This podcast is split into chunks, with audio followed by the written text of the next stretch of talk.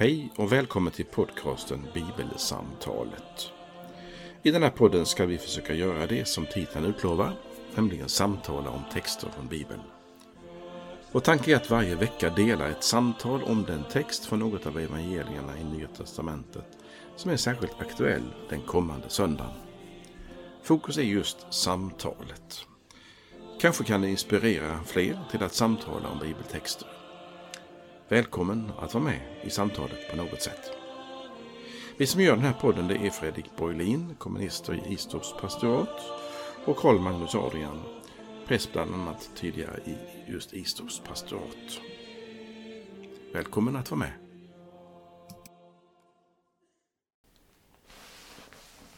Idag så ska vi läsa några verser ifrån Markus evangeliets andra kapitel och vi tar sikte på andra söndagen efter trefaldighet. Överskriften den söndagen eller kommande söndag, lite beroende på när du lyssnar.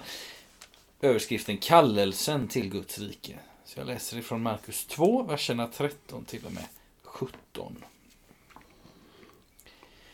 Jesus gick längs sjön igen. Alla människor kom till honom och han undervisade dem. När han gick där fick han se Levi, Alfaios son, sitta utanför tullhuset och han sade till honom Följ mig. Och Levi steg upp och följde honom.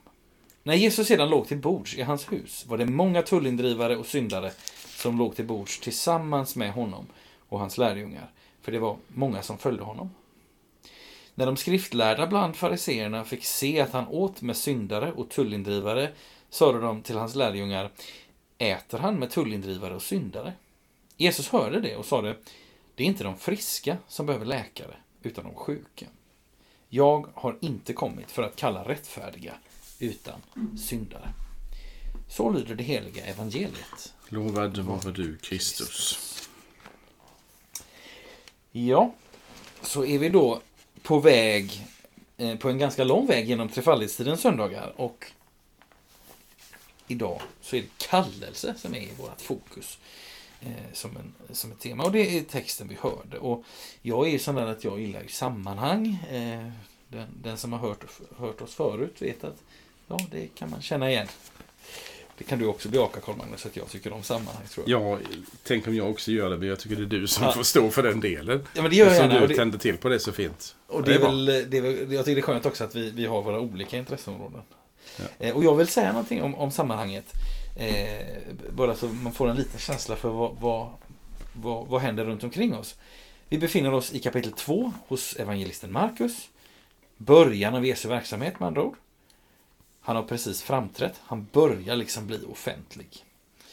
Eh, Markus har redan i förra kapitlet berättat om hur Jesus har kallat de första lärjungarna. Det har han gjort med rätt så liknande ord. Följ mig har förekommit också i det sammanhanget. Och så kommer Markus snart att berätta om eh, när Jesus, eller han kommer att namnge samtliga tolv lärjungar. Det gör han i kapitel 3. Och berätta om hur Jesus då sänder ut dem. Eh, så där är vi, vi är liksom i en uppstartsfas. Jesus har några lärjungar. I texten idag så får han en lärjunge till. Och, eh, men de är inte riktigt fulltaliga. Eh, så där har vi liksom, var är vi i i, i tiden. Var är vi i rummet då? Ja, det står så här, Jesus gick längs sjön igen. Eh, bara en liten påminnelse sådär. Det är alltså Genesarets sjö som det handlar om, eller Galileiska sjön eller Tiberias sjö. Uppe i Galileen. Det är runt den sjön, det är sammanhanget för både, för både första och största delen av Jesu liksom verksamma tid. Han är runt den där sjön. Han åker över den och han går runt den och han eh, stannar till på olika platser på olika sidor om den här sjön. Eh, så varje, man kan säga så här, det är en bra grundregel. Varje gång det nämns i evangelien att Jesus sätter sig i en båt och far över sjön, eller det kanske står att han kommer gående på sjön, eller han stillar eh, vågorna som är på sjön. Alltså, då är det alltid Genesarets sjö som det handlar om. Så det, det, kan man, det är en enkel minnesregel om man vill. Det finns inte många att välja på, för på döda, i Döda havet fiskar man inte. Nej, i Döda havet fiskar man inte. Och, och några andra sjöar finns det inte. Nej, och Medelhavet tror jag att de undviker om de kan. Det verkar så. Ibland gör man ju poäng av att judarna är inte är ett sjöfarande folk. Ja. Som till exempel fenicier och sådär. Mm. Eh, och det är där uppe, man kan tänka, det är inte bara runt den här sjön, utan det är också väldigt mycket uppe i norr, ute på bygden. I ödemarken, stundtals. I de små sammanhangen, städer och byar. Långt ifrån händelsernas centrum. Eh, vare sig det är händelsernas centrum Jerusalem, där liksom eh, som är på ett sätt händelsernas centrum. Ännu längre ifrån Rom, alltså långt borta från både religiös och världslig makt. Där börjar Jesus sin verksamhet och där kallar han sina, ibland kan vi tycka då kanske oväntade lärjungar. Eh, Så det är, det är dagens sammanhang, ska man väl kunna säga. Eh, Kom Magnus. Då kan vi avsluta samtalet nu, Ja, nu, nu är det klart. Då är det klart. Då tackar vi dig som har lyssnat. Nej. Nej, nej. Nej, men det är väl bra. Det är väl värdefullt därför att av den anledningen att eh, det som du gör, och hade du inte gjort det så hade jag gjort det. Alltså sett, se att det är ett sammanhang vi håller på med. Och evangelierna som vi håller på med nästan varje gång bara. Mm. De är ju de är ju ett sammanhang inom varje evangelists berättelse. Så är det ju ett sammanhang.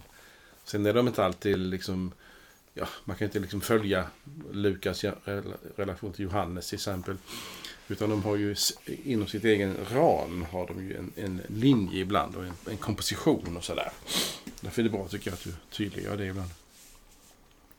Eh, Jag eh, tänkte ta upp temat eh, kallelsen och Mm. så texten har jag fiskar jag gärna i också så många Mm. men vi kan väl se vad vi håller på med. Mm.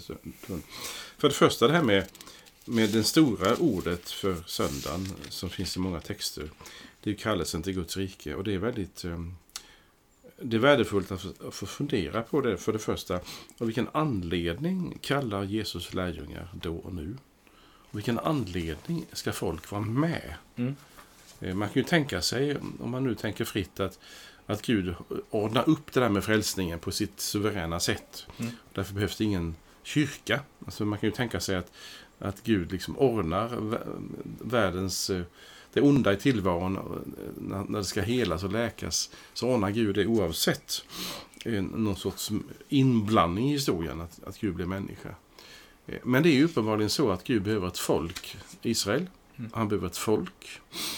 N- När vi också har fått vara med i Israel genom det nya förbundet, alltså vi hedningar, så är det ju människor som gestaltar någonting och därför kallar Jesus människor. Så att jag ville börja där med, med av vilken anledning behövs det människor? Mm. Så.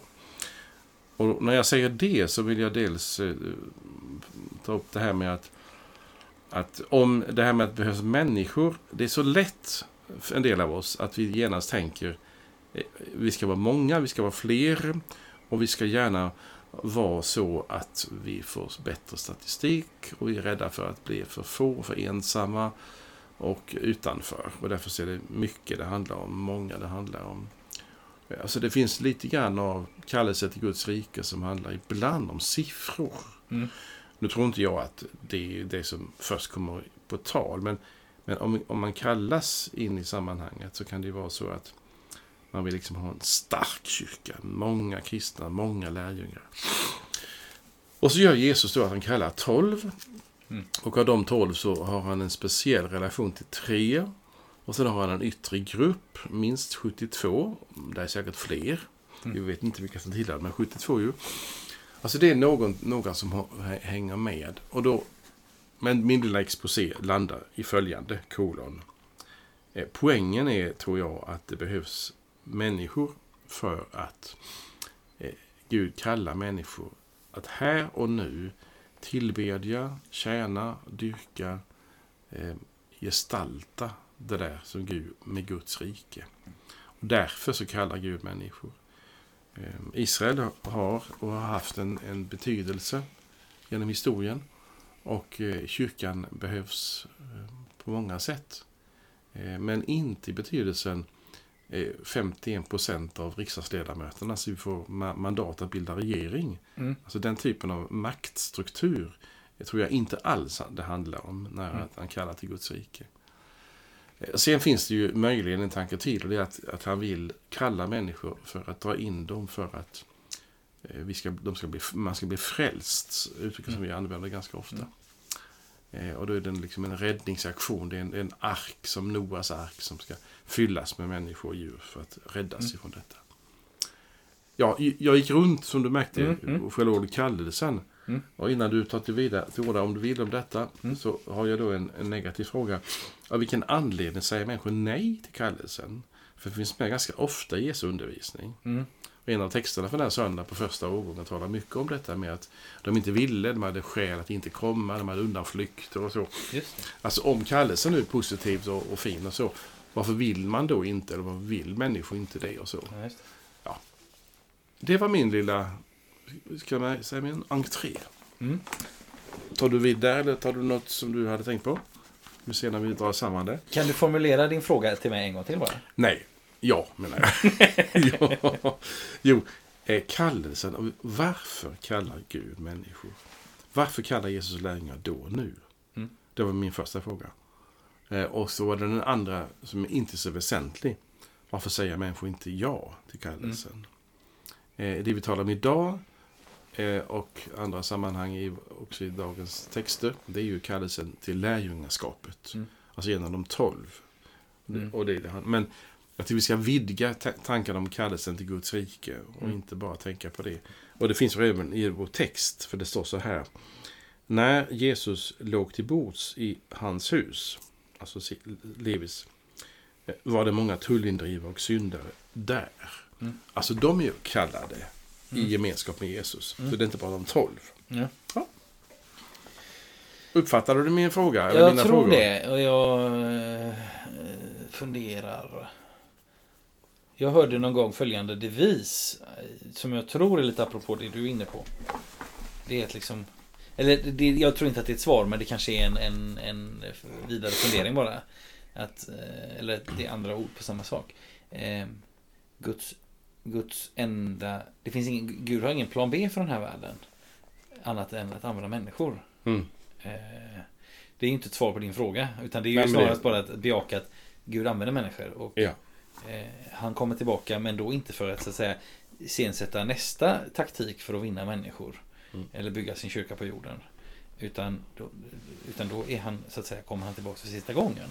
Mm. Eh, jag, jag tänker eh, var, varför använder Gud människor? Ja, det måste ju på något sätt hänga samman med att han själv blev människa. Eh, han blev människor för att vi ska kunna identifiera oss med honom. För att vi ska kunna lita på att nej, men han, han, för, han förstår hur vi har det och så vidare. Eh, Men om du tänker, förlåt, eh, in, innan han blev människa, det vill Mm. säga i det vi kallar för GTs tid, Gamla Mm, testamentets tid, Mm. så är det ju ett folk som lever x antal tusen år Mm. med sin kallelse att vara Guds eget folk. Mm. Och då är det ju som du sa innan, då är det människor som, som Gud kallar in i en speciell relation Mm. som vi kallar förbund. Mm. Alltså Gud gör ett förbund med Israel Mm. genom Abraham och följande generationer.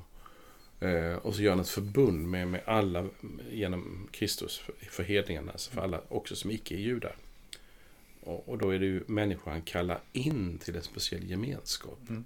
Och då säger vi ibland, för att övertydliga, han kallar Israels folk, han Mm. kallar kyrkans gemenskap.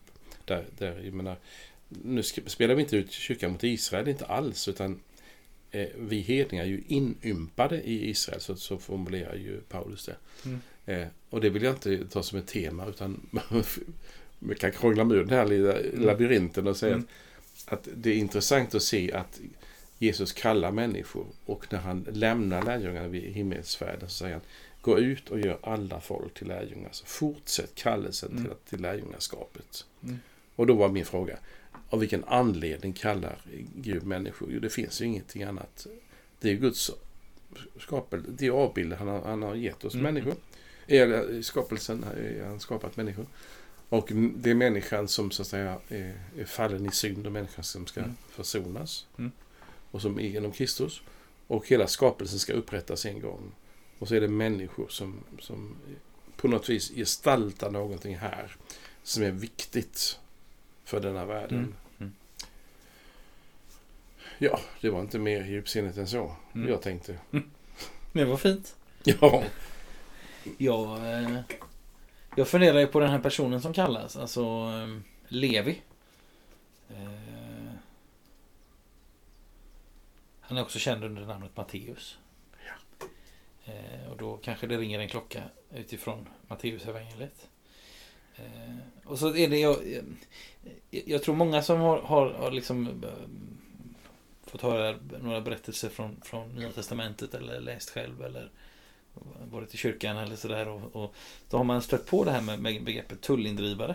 Eh, så det är en ganska, det är, det är en väldigt annorlunda livsföring jämfört med de lärjungar som Jesus har kallat hittills. De är fiskare, Petrus, mm. Jakob och Johannes. Och, och det gänget. Eh, nu kallar han eh, Matteus, eller Levi då, heter han ju här. Eh, för att han är tullindrivare. Jag tänker man, man kunde bara säga någonting för att också förstå. vad, vad var det för typer? Eh, senare på kvällen när de är hemma hos oss så var det många tullindrivare och syndare som låg till bords. Jag vet inte om du... Jag, jag har lite svårt, jag har lite svårt att förstå. Alltså... Jag är ju själv en, en syndare, det är alla människor. Men vad betyder det begreppet i, i, i den här tiden? Var det en särskild... Förstår du vad jag menar? Är det någon särskild kategori av människor? Alltså tullindrivare och syndare. Mm. Jag har ibland funderat på hur, hur visste man vilka det var? Om vi hade, om vi hade liksom transporterat oss till Israel eh, på den här tiden hade vi liksom, jaha, ja, men det är, de, det är de där borta. Och så mm. pekar det är de där, ungefär som man kan peka och säga, men där, där borta har vi 20 AIK-supportrar. Det ser vi för de har sådana tröjor på sig. Mm. Och, och halsdukar och, och, och, och, vad det nu kan vara. Eh, hur identifierade syndare? Det, ty, det tycker jag, för, jag, har aldrig, jag har aldrig riktigt förstått det, om jag ska vara ärlig. Ja, vi, alltså, vi, kan ju kretsa kring frågan och säga att å ena sidan så vet vi att när, när det i vår text idag står om skriftlag och fariseer. Mm. Så vet vi i alla fall när det gäller den fariseiska gruppen att de hade en, en tydlig någon sorts eh, regel för livet, hur det skulle se ut. Mm. Och det var ju dels Moselag mm. som vi känner till, inte bara buden utan fortsättningen också. Och så hade de eh, den muntliga Eh, traditionen, alltså den muntliga tolkningen av Mose lag. Och det satte de en ära i att bevara och tradera vidare till nästa generation. Mm. Eh, var en viktig, viktig del. Mm. Och då var ju deras utläggningar, det var ju ett skydd för lag. Alltså, om det fanns dels det vi kallar för bud, de tio buden, eh, så ska de skyddas. Om det finns det någon väldigt samvetsgrann person som säger ehm, Tänk på vilodagen så du helgar den. Mm. Vilket arbete, frågar då kanske juden några hundra år före Jesus. Vilket jobb får jag göra på sabbaten? Och då säger fariséerna, aha, vi har tänkt på det. Vi har en muntlig tradition från Mose som berättar att ni fick, man får gå 750 steg, man får göra det och det och det. Och då är deras traditioner ett skydd mm för att lagen ska bevaras. Mm. Alltså det är väldigt positivt egentligen menat från, mm. dem, från dem. Och då kunde de direkt säga och peka ut de som inte följde de här mm. principerna. Mm. Eh, och jag tror att det är en av, det finns flera definitioner, eh, tror jag. Men, men det är en definition att du kan se vilka som inte följer lagen. Mm. Och därför är det ibland ett förakt ibland ett, ett skydd, eller en hjälp. Man skulle hjälpa dessa som inte levde enligt lagen, men också ett, man såg ibland ner på dem. Mm. Och sen tror jag att det finns en kategori till, och det är min mm. andra eh, spaning på, till din fråga. Mm. Och det är när man, när man visste dessa kvinnor som inte var gifta och inte, och inte hade eget, eh, eget eh, arbete som man kunde se. Vad sysslade de med? Jo, mm. de var, de var horor, de var prostituerade. Mm. Eh, det är nog en grupp som, som ibland finns med i beskrivningen. Mm. För att, eh, jag menar till exempel rövarna på korset kallas ju rövare och inte syndare. Nej. Så det var ingen, ingen eh, stämpel på dem. Nej. Hur är det med, med kvinnan i Sykars brunn i Johannes 4? Hon kallas väl när Jesus tal, när lärjungarna talar om att han har pratat med en kvinna så var det inte att hon var en synderska. Men det finns ju exempel på, på, en annan, på andra texter att det var en synderska som Ja, när Lukas berättar ja. om den här kvinnan med balsamet Balsam, så ja. säger ju farisén Simon att ja. om han hade varit en profet hade han vetat vad det är för kvinna som smörjer honom. Det är en synderska. Och då var det en prostituerad kan man väl tänka. Eller hur? Ja, det, så har jag nog tänkt. Ja, men det, det är väl kanske så det som ligger i din fråga som även i ditt eget svar. Mm. Så man kan säga att det, om jag förstår ditt svar rätt nu. Så ja, det går att urskilja Eh, för ett vant öga skulle nog kunna se i en given situation att men här är några som inte följer mm. de här och de här mm. eh, muntliga föreskrifterna som väl i, i, i Nya Testamentet kallas för de äldste stadgar eller fädernas regler lite beroende ja. på vilken översättning det är. Det är Matteus 15 som Jesus kommenterar här tror jag. Ja, kan vara så. Ja. För jag tänker på den andra gruppen, det kunde man ju faktiskt säga någonting om också. Eh, tullindrivarna är ju då en ganska, det är ju mer en väldefinierad grupp. Mm, alltså de, mm. Det var de som jobbade eh, som tullindrivare. Eh, och som var mycket föraktade. Alltså en grupp människor som skodde sig på att Israel var ockuperade av romarna. Eh, kan du säga någonting om det? Jag tänker så här, en av huvudpoängerna med att anfalla och belägra och ockupera områden som ju förekommer i alla tider. Eh, det är ju att kunna få del av det områdets rikedomar. Eh, om det. så är odlade grödor eller boskap eller människor som kan bli till arbetskraft eller om det är andra naturtillgångar, mineraler, olja Mm, mm. eh, och får man säga då inte minst skatteintäkter från ett område. Eh, intäkter från tullavgifter och så vidare. Alltså olika typer av ekonomiska pålagor på människor. Eh, romarnas system för att ta upp skatt och tull och sådär eh, gjorde så att man sökte efter människor som var villiga att helt enkelt åta sig att samla in tullavgifter i ett visst område. Så har jag uppfattat det. De arrenderade väl den rätten? Ja men precis. Ja. Och, så, och då skulle man samla in en viss mängd tull eller skatt eller sådär för romarnas räkning och resten fick man behålla själv. Just det. Eh, och då kan man ju ana, då kan vi bara tänka att, att Fredrik Borlin hade fått den möjligheten att göra det och då kan man tänka att risken att utveckla girighet är ganska stor. Mm. Det är klart att man kan inte kräva man in hur mycket som helst vid uppror men, men Mm. möjligheten att sko sig eh, eftersom man ändå stod på romarnas sida som hade liksom makten. Mm. Eh, det var rätt stor risk och chansen att bli sedd som en förrädare av sina egna minst lika stor. Eh, och det är ju så människor ser på Levi här. Han är en förrädare. Vi, vi, nu är ju vi svenskar men jag tror att eh, andra världskriget pratade man i Norge om kvisslingar. Alltså de som liksom Mm. gick över till tyskarna och Mm. vann också fördelar och sådär. Eh, alltså det är, det är väl egentligen det närmaste vi kommer i någon slags modern tid av, av detta. Det finns ju säkert många andra historiska exempel. Men du, tror, förlåt, var du Ja, klar? nej, jag skulle bara säga det att det är liksom så, m- jag, jag tänker så här. Hade vi suttit här i Öxnevalla och så hade vi blivit ockuperade och så får vi höra om att, att din granne här, någon granne här eh, liksom går in i något liknande. Vi hade inte tyckt om den människan. Nej. Inte alls. Så det, det är ju på något sätt. eh, Detta är en föraktad människa. Vi kan, vi kan förstå människors förakt. Eh, På Mm. något, kan jag tänka. Och samtidigt så kommer Jesus och säger följ med. Så han erbjuder en utväg också för den, den, den djupt föraktade människan. Ja. Och här är ju, är ju tre så att säga, kategorier föraktade människor. Dels är det Mm. Levi. Mm. Och är det då tullindrivare. Na, som är Mm, med. ja, resten ja. Och sen är det syndarna. Mm. Så det är tre. Men om vi ska fundera vidare på att om det är en kontext och sammanhang för, för historiskt viktigt att vi noterar för att det är bra att veta det. Så är grejen att vad handlar detta om i den överförda meningen att vi idag tar hand om gudsordet här. Och efter en introduktion på några minuter om förhållandena då så släpper vi det. Mm. Och så frågar vi Gud, vad, vi- vad vill du säga till mig med detta? Vad, vad är Mm. det för budskap i detta? Mm. Alltså vi frågar Gud och ber om Guds ande som vi får göra ständigt när vi möter både ny dag och en, texten i det, i det här fallet. Gud, vad vill du säga till mig i detta? Mm. Och då tycker jag men att jag har en bra ska jag säga, guide i en annan text i dagens Mhm. s- sammanhang. Om jag nu inte liksom tar bort tar bladet ur munnen från dig. Nej, inte det minsta. Nej. Eh, och jag ska inte läsa den eh, som är den episteltext i sin helhet. Men jag ska läsa inledningen från första Korintierbrevet 1, vers 26. Tänk på när ni blev kallade, kolon. Inte många var visa i världslig mening. Inte många var mäktiga. Inte många förnäma. Men det som är dåraktigt för Gud, för världen, det utvalde Gud. Alltså bara den öppningen Mm. öppnar upp för att vad, vad är det som är, som är typiskt när Gudsriket förkroppsligas i Jesus själv, Mm. Gud blir människa. Mm.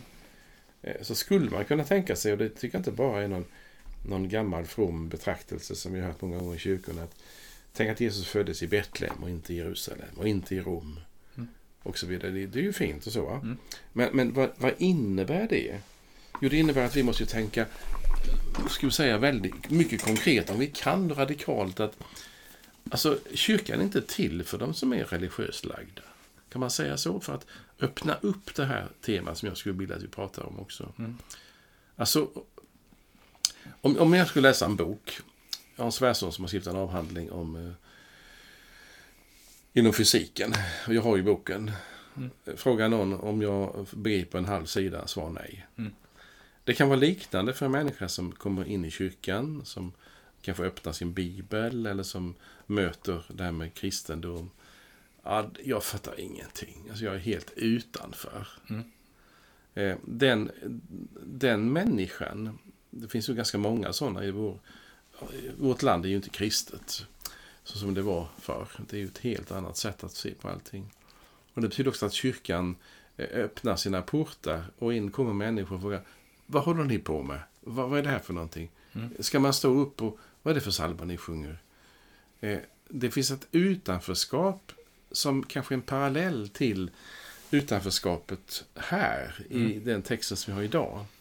Nämligen att för det första, Levi passar inte ihop med Jesus, Guds son. Vi kan Mm. börja med det som du sa så fint nyss, vad Mm. han är för någon. Och han är en tullindrivare. Det- vill säga, han har kompisar som är med här ju. I detta hemmet så är det ju inte bara Levi som tullindrivare, Mm. utan det är också andra tullindrivare. Så han har ju en grupp personer. Mm.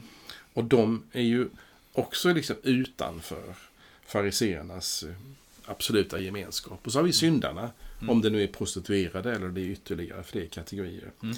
Så det är väldigt många människor som inte platsar. Om fariseerna, eller en farisé skulle bjuda in till fest, så skulle han ju inte bjuda in Levi, inte syndarna och inte Levis kompisar tullindrivarna. Mm. Nej. Och då menar jag, vad är det som händer när, när vi ser på det här med Jesus kallar lärjungar idag? Så är det ju en mängd människor som är utanför. Därför att de sociala strukturerna, kulturen, sammanhanget, det som du och jag som, som lever i kyrkans gemenskap känner väl till. Det finns ett väldigt utanförskap, naturligtvis, av olika anledningar. Eh, men jag tror inte, och då får du rätta mig om jag, om jag har fel, jag tror inte att du och jag som, som lärjungar till Jesus föraktar de som inte kommer. Vi föraktar inte de som inte begriper. Vi föraktar inte de som säger nej till Jesus. Mm. Eh, och, och ibland så tänker man, det gör ju fariseerna, de, de tar avstånd ifrån dem. Mm. Så det kanske är en skillnad. Mm. Men det, det jag vill komma fram till genom dessa många ord, det är att, att kallelsen till Guds rike idag går ut i hela världen och det tycks ibland vara så, rent sociologiskt, att eh, ja, det är väl de som är snälla som går i kyrkan. De som har en mormor som har, som har varit from och sådär. Mm. Men folk i allmänhet då? Mm. Alltså syndarna i allmänhet och tullindrivarna i allmänhet och Levi. Och nu, om Mm. de nu får vara liksom, bilder för Mm. olika människotyper. Mm. Förstår du hur jag tänker? Mm. Mm. Är det någonting som du vill greppa tag i? Jag hörde någon gång en, en, en, en, en, sån här mycket, mycket frejdig människa som, alltså, och då menar jag frejdig på ett, på ett roligt sätt. Eh, om det nu finns andra sorts frejdig. Jag, tyck, jag tyckte det var väldigt, det var väldigt sympatiskt. Han sa så här. Eh, att han hade mött att människor sa nej jag skulle aldrig sätta min fot i kyrkan. Eh, där är det bara en massa hycklare som är. Ah. Eh, och då, då svar, hade den här frejdiga personen svarat ja. Och det, är- det är ju därför som du passar så bra in också. Ungefär. Alltså att det, alltså det, det är ju liksom, det är precis, det är precis för sådana människor. Alltså det är precis, eh, det är precis det Jesus säger här. Det är inte de friska som behöver läkare utan de sjuka. Och, och sen om man, sen, om man har sjukdomsinsikt eller inte. Alltså nej, men Je- Jesus har kommit för att kalla människor. Och nu vet inte jag om det här var ett svar på det du sa. Jag bara kom att tänka på det. Men, men det är jättebra, intressant. Det- jag vill liksom öppna dörren till, jag ju inte, Ja. jag kan inte liksom överblicka det som jag egentligen funderar på, men det är ju det att, att eh, om, om Gud vill kalla människor, nå människor, Ja. Så, så finns det för oss eh, rent till det yttre hinder eh, som ligger i kanske vissa strukturer. Mm. Eh, Och ta sådana detaljer som, som någon tycker helt, som lyssnar kanske helt oviktigt, men ändå. Vilka, vilka sånger ska man sjunga i en gudstjänst? Mm. Ska folk känna igen sig? Ska man ta gammal musik från 1200-talet? Ska man ta ny musik som är väldigt aktuell? Just för att tröskeln ska bli mindre. Mm. Eh, Ska man, ska man ha någon gudstjänst som är liksom öppen för någon sorts social, öppen på ett annat sätt än vad vi är. Och nu tycker jag inte att, att vi ska ta för mycket tid åt att diskutera gudstjänstens utseende. Jag vill bara för mig är det ett exempel på att utanförskapet Mm. idag har lite andra förtecken. Mm. Men kan vara lika viktigt och, och, Och stort och Ja. verkligt som då. Ja. Eller? Ja, precis. Alltså du menar den... den eh, du, om jag förstår det rätt nu, för du, du målade upp en bild av en farisé som bjuder in till fest. Och var de välkomna och var de välkomna och var de välkomna. Mm. Nej, det var de inte, men de var välkomna till Jesus. Mm. Och där, då ligger det någon diskrep det ligger liksom någon konflikt där i. Och du menar att det finns en risk idag att det blir samma sak att eh, är det bara de etablerade som får komma? Alltså, finns det en öppning för den som verkligen känner åh, och jag skulle vilja men jag platsar inte? Eller jag Ja, vilken inte igen." approach eh, har vi som tydliggör kallelsens otroliga jag säga, radikalitet? Mm. För om Jesus samlar hos sig syndare, Ja. kategorin som finns i texten idag, Ja. tullindrivare, Ja. där lever ett en exempel. Mm. Så är det ju, jag tycker det är anmärkningsvärt. Ja. Medan vi vill liksom ha, menar vilka bjud, om du skulle bjuda ett antal familjer på, på middag hemma hos er. Ja. Eh, så, så tar man ju, så umgås man med människor som är sådana och sådana sådana. Och det gör vi med rätta menar jag, kritiserar inte det. Nej. Men när Gud ska nå människor så är det så gott att, att, att få hjälp av Paulus. Mm. Betänk hur det var när ni kallades. Mm. Inte många också var, var, hög, var, var mäktiga. Men det som är dåraktigt för världen, det utvalde Gud. För att låta det visa stå där med skam. Och det som är svagt i världen, det utvalde Gud. För att låta det starka stå där med skam. Och det som världen ser ner på, det som ringaktas, ja, som inte finns till, just det utvalde Gud. För att göra slut på det som finns till, så att ingen människa skulle kunna vara stolt inför Gud. Jag tycker att det här är väldigt värdefullt för mig personligen. Du kan ana att jag hamnar där snart. Mm. Vi gör nu. Ja, välkommen. Alltså, jag talar om Karl Magnus och och Fredrik. Ja. Får vi vara med? Ja. Och då kan vi svara lugnt. Ja, det får vi. Mm. Är det någon merit som krävs? Svar Nej. nej. Vad är det då som krävs? Det är en viktig fråga. Mm. Är det en vilja till att, när Jesus säger följ med och se, Mm. så vi har en annan text idag i, Mm. evangelieboken. Alltså när han kallar vissa lärjungar så säger han följ med och se. Eller de säger till sina, ja, det är väl Andreas som säger till Petrus va? Följ med och se. Ja, det är precis. Jesus säger det först och sen säger någon Ja, annan samma ja. sak ungefär. Ja. Alltså, välkommen och, upptäck detta. För det är först när du, har, när du är in med som du kan se vad det handlar om. Ja. Det är ungefär som att du måste nästan vara kristen för att upptäcka vad det är att vara kristen. Ja. Och, och vad är det då för någonting? Jo, vi- vilka platsar där vid Jesus sida? Och, och den frågan är ju så avgörande så att inte Gudsriket blir en sorts elitgrupp. Ja. Är du med? Mm. Och, och det, alltså att applicera det. Och då tänker jag, ja, men jag, om nu du och jag får vara med. Så är det till och med så här Fredrik, att du och jag är vigda. I, i kyrkan har, ska jag säga, lånat ut ämbetet till dig och mig. Mm. Och säger att ni får vara präster i Svenska kyrkan. Och så har vi en kallelse på olika sätt, du och jag. Att eh, ja, vittna om Jesu uppståndelse på olika sätt. Eh, och så har vi fått den gåvan. Då kan det hända, och nu, nu får du gärna slå ner på mig, men tänk om då människor tänker om dig och mig. Ja, ja, de har det ju ordnat och så. De har ju eh, hyfsade bilar och de bor bra. Det ser ut som det är okej. De sitter inte på bänken utan Systembolaget. Är du med? Mm. Alltså det finns en, en sån och då menar jag inte att vi ska gå och spela alla och vara dumma och göra bort och så. Nej. Men ibland så kan själva det radikala med kallelsen Mm. Kan ibland liksom inte döljas medvetet, Mm. men vara lite, inte synas.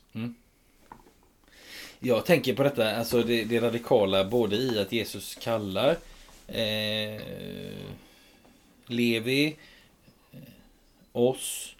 Eh, och också hur han talar om det här. Alltså det är inte de friska som behöver läkare. Utan de sjuka. Eh, jag har inte kommit för att kalla rättfärdiga utan syndare. Alltså det är på något sätt. Det finns en sån otrolig. Det, det, man kan säga så här, det är ett ganska radikalt sätt att bjuda in någon. Det är det verkligen. Eh, det, är, det är ganska, alltså Följ med och se kan ju vara så här. Carl Magnus, vill du följa med på den här kräftskivan? Mm -hmm. ja, jag vet inte, jag vet inte om skaldjur är min grej. Ja, följ med och se. Det finns västerbottenpaj också ungefär. Mm -hmm. Det är ju väldigt, och vad roligt. Mm -hmm. här. här säger Jesus ord som inte är så, alltså, det är ju följ med och se på ett sätt. Följ med och se, du behöver detta. Mm. Men, men det, är, det är ju inte så inbjudande. Jo, det är inbjudande, men det är inte så inbjudande i bemärkelsen en inbjudande maträtt som jag får äta mm. av. Alltså, eh, det är ganska starka ord. Eh, och det säger ju någonting om, vad ska vi säga, vikten av att, eller vad ska vi säga så här, nej men allvar, allvaret också. Eh, alltså Jesus säger inte, det är inte de roliga som behöver gå på komedikurs, utan de tråkiga. Alltså det är inte att vi ska lära oss någonting och bli lite kul typer. Liksom, mm -hmm. Utan det handlar om, om, om, om, eh, om att, alltså att han är en läkare, han är ingen coach. Liksom. Mm. Eh, och det jag tänker, detta vill han, alltså hela ordet vill visa för oss att vi är i någon slags belägenhet. Vi är i behov av Jesus. Han är inte en accessoar, han är inte ett intresse. Han är svaret på vår, vårt djupaste behov. Ja. Och sen kan, man, sen kan man ha olika nära till att upp, uppleva, om jag säger så här, nu inne i en mikrofon, vårt djupaste behov är, är frid med Gud, eller försoning, är nåd. Så då, då klingar det olika hos, ja, hos mig själv, hos dig och hos den som hör det. Och, mm. och det, det, här det är en stor sak, men vi anar att det är stort redan i att Jesus använder de här orden som han använder idag. Att det, det är inte de friska som behöver läkare, utan de sjuka. Ja. Alltså det säger ju dels någonting om eh, modet att vara med. Ja. Som det innebär för mig, tycker jag. Ja. Det handlar också om att eh, hur kännetecknas gemenskapen med Jesus? Mm. Om det är så här. Mm. Alltså om jag Eh, om jag blir inbjuden, eh, om alla blir inbjudna, eh, ungefär. Men sen när man väl är med i gemenskapen så, så ska man liksom höja nivån. Då ska man liksom skruvas upp och bli elitgruppen. Men in, in är du välkommen. Men sen ska du minsann se till så du sköter dig och utvecklas och är, och är perfekt och, och helgad och sådär. Men så grejen är att jag tror att det finns ju någonting med detta att han kallar syndare som, för, som är syndare. Mm. Sen tror jag att det finns en, en, utveckling, en fostran och en... Alltså Guds ande kan också göra så att jag vill någonting gott som jag inte ville tidigare. Mm. Alltså jag påverkas av Jesus så att jag blir förändrad till, på det positiva sättet. Mm. Det tror jag absolut är så mm. med, andens hjälp. Eh, men, men kyrkans gemenskap kännetecknas inte bara att att i fastun är du välkommen. Mm. Utan du är välkommen att sitta med som syndare i, i finrummet. Mm. Ända, och, och, och, i himmelen. Det, även där är det syndarna som har platsen. Mm. Alltså det, det, är den för, förlåtne syndaren som mm. är typexemplet Jesus sätt att se på människor. Mm. Och då behöver vi inte diskutera hur pass mycket syndare är du och jag. Mm. Hur pass mycket syndare är den och den. Och hur pass mycket bättre har vi blivit som kristna? Mm. Alltså, då, då, är det som att då lägger man fokus ändå på sig själv. Mm. Men det som finns här, det, det här läggs fokus på Jesus, på Gud. Mm. mm. Vilka kallar Gud? Mm. Jo, han har ingen meritlista inför kallelsen. Han har inget CV som avkrävs av dig för att kunna vara med. Och det gör ju att ja, men då, då slappnar jag av på något vis. Mm. Alltså axlarna sjunker ner. Mm. Eller? Ja. Jag tycker det är fint. Ja, axlarna sjunker ner. Ja, men jag, jag, inte, jag, det exemplet, men ja, ja. jag har ju inte hittat på den här läran. Om, det är ju kristendomen, det är ju själva poängen med evangeliet. Jag har hört detta på andra håll också. Ja. ja, det var ju fint. Det var ju fint. Man kan ju fundera på, eller får jag... Ja, jag har ingen... Jag... jag tänker ju på en, jag tycker det är roligt med ord och sådär. Och, och eh, då står det så här att det är kallelsen till Guds rike. Eh, idag. Eh, och det, vi, vi liksom, det är precis detta som det handlar om. Jesus möter en människa som eh, är med världens mått mätt otroligt otippad. Eh, men den här personen, man ska säga så här, Levi är ju mer otippad, om man, nu får, om man nu ska använda ett sånt ord, det kan man ju diskutera, men om jag nu gör det, han är mer otippad än dig och mig, och alla som hör den här. Eh, alltså det, det, det, det finns en, jag tror att det finns en poäng i att inte bara Matteus Levi själv skriver om detta i sitt eget evangelium. Utan det finns en poäng i att varför har just denna, varför har Jesus, för du, du, du påtalade det förut Carl Magnus, att, att av lärjungarna, och där är det liksom Jesus i centrum och så är det flera cirklar ut. Det är de tre, Petrus, Jakob och Johannes, de som är med på härlighetens berg och som också är med i Getsemane och som också pratar mer än vad de andra gör. Och sen är det liksom de andra nio då, och sen är det de 72 och sen är det liksom ytterligare en, en skara som också nog varierar i storlek. Alltså de blir fler och sen blir de färre vid något tillfälle när Jesus säger många slutar följa honom för det han säger är outhärdligt och så. Och man tänker så här, men, men det är också intressant att Markus, den kallelse som han berättar mest utförligt om är av de tolv, är ju denna. Intressant. Petrus, Jakob och Johannes, det är bara, ja, de var fiskare, de sköljde sina nät med Sebedaios pappan Jaha. där. Följ mig, tjoff. Mhm. Och så var de med. Men när det kommer till Levi, för det är ju inget moraliskt klandervärt att vara fiskare. Nej, nej. Eh, men, men varför läggs det sånt fokus? Varför finns det liksom en, ord, en, en, lite större ordväxling? Varför finns det en, liksom en, en berättelse som är direkt inhakad i, alltså det här som sker på kvällen då när de äter. Så Men det, det, det, här, det här är, det här, alltså, Marcus har ju gjort ett urval när han har skrivit. Var, varför har han med det här? Ja, det är, Jag tycker din fråga är, är så bra. Den kan stå där. Mm. För den signalerar någonting. Ja. Eller hur? Ja, absolut. Den har ett budskap. Ja. Tack för det att du påminner mig om det. Jag har inte tänkt på pekade Carl Magnus på klockan här så vi ska börja. Jag, jag, funderar, på, jag funderar på en sak. Eh, ibland så, ibland så eh, nu pratar vi om kallelsen till Guds rike. Eh, och eh, vi har några minuter kvar. Eh, kallelsen till Guds rike och eh, Levi, den otippade Levi, kallas in i Guds rike. Men samtidigt så är det så här att fiskarna lämnar sina nät och Levi han lämnar eh, sin eh, tullindrivarverksamhet. Och jag så här, ibland innebär ju kallelsen också att kallas ut ur ett sammanhang. Och, och idag så skulle vi kanske säga att ja, men, kallelsen för Levi är också lite av en omvändelse på något sätt. Alltså han har ändå skott sig på, på Ja, han får ju mindre inkomst. Ja. Och, och man kan tänka sig att Gud kallar också människor ut ur sammanhang. Det kan kanske vara något som man kunde bara stanna till vid i en kort stund. Alltså, absolut. Abraham kallas från ur. Mm. Eh, Lot kallas ut ur Sodom. Guds eget folk kallas ut ur Egypten. Alltså det, det kan ibland också vara en, Ja, påminnelse för oss att åh, jag får kallas in i Guds sammanhang. Jag kallas också ut från saker. Mm. Alltså, för länge sedan så pratade vi om en åsna som var bunden och som lösgjordes. Om du minns Ah, minns första. Ja. advent. Eh, så var det det som eh, åsnan som, som lösgjordes för tjänst. Alltså, Levi lösgörs ju också här. För tjänst. Det är mycket bra att ta med det temat för att om vi har talat tidigare nu nästan hela tiden om till och, och, att, och vad som kännetecknar gemenskapen kring Jesus, Mm. alltså kyrkans gemenskap idag, Mm. så är det väldigt tydligt med hjälp av Paulus. Mm. Betänk hur det var när ni kallades. Mm. Gud sig an det svaga. Men också detta, vad är det som jag kommer ur? Vad vad är det som jag slipper? Skulle man kunna säga. Eller Levi, vad är det som jag tyvärr inte kan hålla på med längre? Det vill säga, hur ska vi försörja oss nu nästa vecka när jag inte har pengar längre? Eh, Nu tar inte Bibeln upp det med varken med, med Levi eller de andra. Fiskarna hade ju också inkomst av sin tjänst ju. Mm. Hur de, de levde sen, det, det, det släpper vi idag. Mm. Men däremot det här med att, jag tycker i, i mitt fall, i vårt fall, eller i, i, idag, så, så blir jag befriad ifrån någonting. Jag, jag hittar någonting som är bättre. Jag uttrycker mig gärna så. Eh, Det betyder inte att jag, jag nu, nu har jag inga problem med för jag är kristen. Det är inte alls så jag menar. Utan jag har fått, jag har fått en, en, en tillhörighet. Mm. Jag slipper gå där och virra och virra och virra. Jag kan ha kvar frågor, tvivel, funderingar, rädslor. Men jag tillhör någon. Mm. Det är väldigt fint och då tänker jag, ja men tänk om jag inte hade haft detta.